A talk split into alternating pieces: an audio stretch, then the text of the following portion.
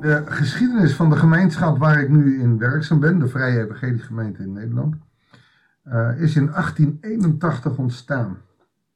En wel omdat men vond in de hervormde kerk, tenminste een klein gedeelte, dat ook evangelisten het woord konden verkondigen. In die tijd was alleen de universiteit geschoolde dominee geschikt om de bediening van het woord te doen. Daar moest je wijsheid hebben, geleerdheid voor hebben. De huidige Vrije Evangelische gemeente mogen ook gemeenteleden preken. Daar hoef je geen universiteit voor te hebben. Prachtig dat er meer mogelijkheden komen dat je gaat kijken naar wie talent heeft en niet alleen maar wie opleiding heeft. Want te veel denk ik dat we in deze wereld over kennis en over wijsheid spreken. En we hebben spreuken daar al heel veel mee afgerekend zien worden. Dat wijsheid niet per definitie de kennis is en de know-how, maar dat wijsheid is uh, de manier waarop je leeft. Zo is het ook met de woordverkondiging. Dat is niet alleen aan universitair geschoolde mensen. Tenminste, vind ik. Maar binnen de gemeenschap waar ik eerder werkte, was dat wel. Daar mocht je wel preken, maar dan mocht je niet de bediening van de ambten of uh, de, de avondmaal en de doop en dat soort dingen. Het grappige is dat in Korinthe over die wijsheid en dus eigenlijk de erkenning daarvan op een andere manier wordt gesproken. Heb je dan helemaal geen universitair geschoolde theologen nodig? zeker wel. Ik denk dat voor de achtergrond, uh, de, de, de theologie erachter, heel belangrijk is dat we uh, theologen hebben. Maar dat betekent niet dat alleen maar theologen op de preekstoel mogen staan. En daar ligt een verschil. Nou, dat is een gedachte die ik krijg bij de voorbereiding van het gedeelte waar we vandaag lezen. Goeiedag, hartelijk welkom bij een nieuwe uitzending van het Bijbels Dagboek. We lezen in 1 Korintiërs 2, de versen 1 tot en met 9. Gewoon kijken of je het met me eens kan zijn of je het mee kan maken. Broeders en zusters, toen ik om God te verkondigen, beschikte ook ik niet over uitzonderlijke welsprekendheid of wijsheid. Paulus zegt joh, ik was gewoon, ja, helemaal daar niet zoveel wijsheid in. En, en, en dat is best wel raar dat Paulus zegt, want hij had wel uh, als schriftgeleerde uh, de hoogst mogelijke vorm van onderwijs genoten in Israël. Maar dit nieuwe geloof, die Jezus Christus, ja, hij heeft een getuigenis meegemaakt of hij heeft een, een, een ervaring meegemaakt en vanuit daaruit moest hij doen. Welbesprekenheid, ja, als ik Paulus zo denk, denk ik, dat valt allemaal wel mee. Maar hij is hier dus een vorm van bescheiden. Ik had besloten u geen andere kennis te brengen dan die over Jezus Christus de gekruisigde. Oftewel, hij gaat geen wetenschappelijk onderwijs doen. En hij gaat ook niet andere wetenschap overbrengen. Het enige wat hij over wil brengen is het geloof in Jezus Christus de gekruisigde. Dat betekent dus, als jij denkt van ja, wie ben ik nou dat ik het woord kan verkondigen? Nou, jij bent iemand waarom? Jij kent Jezus en omdat je Jezus kent, mag je hem verkondigen. Bovendien kwam ik bij u in al mijn zwakheid en was ik angstig en onzeker. Waarom was hij dat? De Corinthiërs, dat was een wetenschappelijke uh, plek waar heel veel wetenschap zeg maar, bedreven werd. Mensen daar waren intelligent. En ja, ik herken een beetje. Als je in een gemeenschap komt waar veel mensen gestudeerd hebben en dan ben je zoiets van, wie ben ik dat ik het woord van God verkondig? Ik heb dat überhaupt. Dan ben ik al een jaar of 25 in het vak. Steeds heb ik het idee. Wie ben ik dat ik het woord van God mag verkondigen?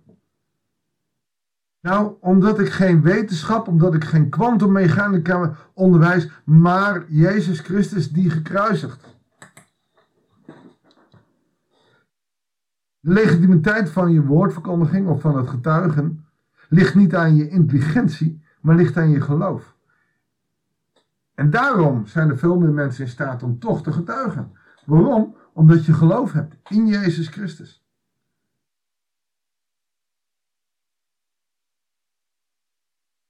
Bovendien, uh, nee, de boodschap die ik verkondigde overtuigt niet van de wijsheid. Of niet door wijsheid. Maar bewees zich door de kracht van de geest. Want uw geloof moest niet op menselijke wijze steunen, maar op de kracht van God. En dat is ook meteen weer het lastige. Waarom is geloof zo moeilijk over te brengen? Nou, omdat het dus geen bewijs is. Ik kan God niet bewijzen, want ik heb geen fysieke bewijslast. Ik kan God niet in een doosje stoppen, ik kan God niet tonen, geen filmpje of wat dan ook. Mensen moeten mij op mijn blauwe ogen of op mijn getuigenis geloven. En dat is de kracht van God. Wanneer je dus gaat verkondigen, wanneer je dus gaat getuigen, zeg dan altijd tegen God, Heere God, ik kan het niet.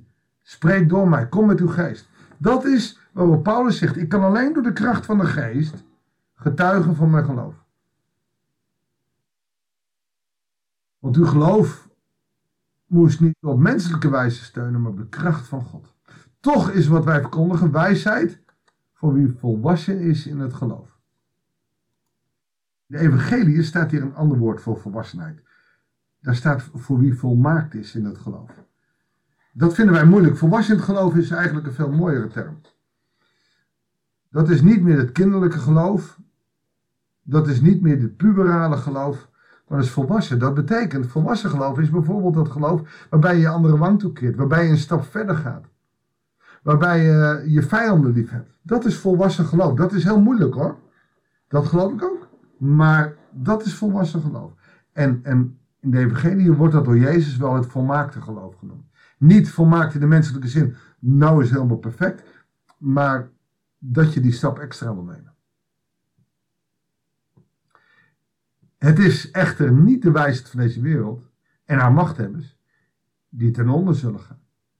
Waar wij over spreken is Gods verborgen en geheime wijsheid. Bam! Dat is het lastige. Het is die verborgen wijsheid.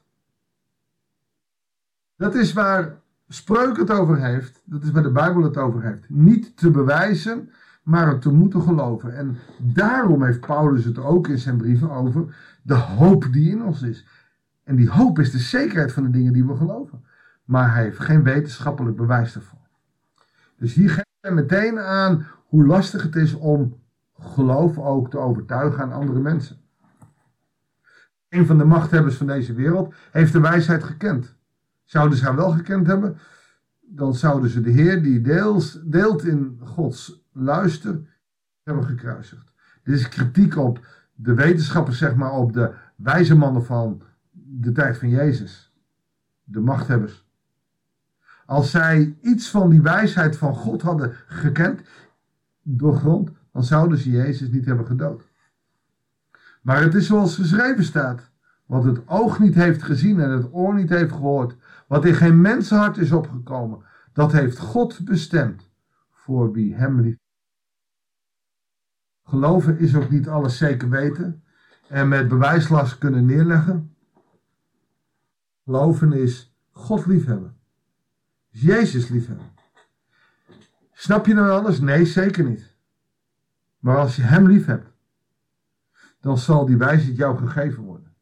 Niet omdat je universiteit geleerd hebt, niet omdat je zo wel bespraakt bent, maar omdat je gelooft in de Heer Jezus, omdat je van Hem houdt. Omdat je dankbaar bent voor dat wat Hij aan het kruis gedaan heeft. En, en we moeten het dus omdraaien. Wij mensen in deze, in deze wereld willen wijsheid, kennis en dat overbrengen. Eigenlijk is al die wijsheid en kennis die je hebt, loslaten, wat hij in 1 Korinthe 13 zegt, dan wist ik alles. Maar ik had de liefde niet, ik had Jezus niet. Dus eigenlijk ook al dat gedicht in 1 Korinthe 13. Nou, daar komt hij later op. Hij komt er dus later in zijn brieven terug. Als je de liefde niet hebt, als je Jezus niet hebt, dan is alle kennis van de wereld, 100 universiteiten, het is niks. Het is leegheid. Het is leegheid. Kennis gebruikt op een positieve manier vanuit de liefde, dat is wijsheid. En Jezus kennen vanuit de liefde, dat is wijsheid. Nou, een mooi filosofisch gedeelte, maar, maar wel gaaf. Dat betekent dat als jij geen universiteit gedaan hebt, dat je toch gewoon zijn getuige bent. Dat jij niet alleen maar zijn discipel, maar zelfs zijn apostel mag zijn. Als je veel van Jezus houdt, mag op jouw manier getuigen. Wat is er voor nodig? Liefde voor Jezus. Dankbaarheid voor wat hij gedaan heeft. En als je dan vol van de geest wordt, dan hoef je niet eens na te denken over welbespraaktheid. Dan mag je getuigen. Waarom? Omdat de geest door je spreekt. Mag ik voor je bidden? Heer God, ik wil bidden voor de luisteraar die nu verbonden is. Als hij of zij het idee heeft niet waar te zijn of niet te kunnen om te getuigen van uw grote liefde.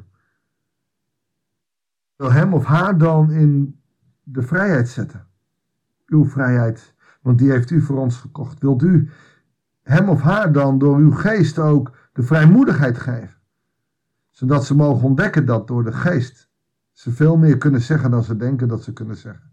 En dat het niet gaat om de wijsheid en de kennis die wij hebben, maar dat het gaat om de geest in ons die getuigt van uw grote liefde. Heer, leer ons zo elke dag weer heel veel van u te houden. Dat bidden wij en danken wij u in Jezus' naam. Amen. Dankjewel voor het luisteren. Ik wens je voor vandaag een hele goede dag. God zegen. En heel graag tot de volgende uitzending van het Bijbels Dagboek.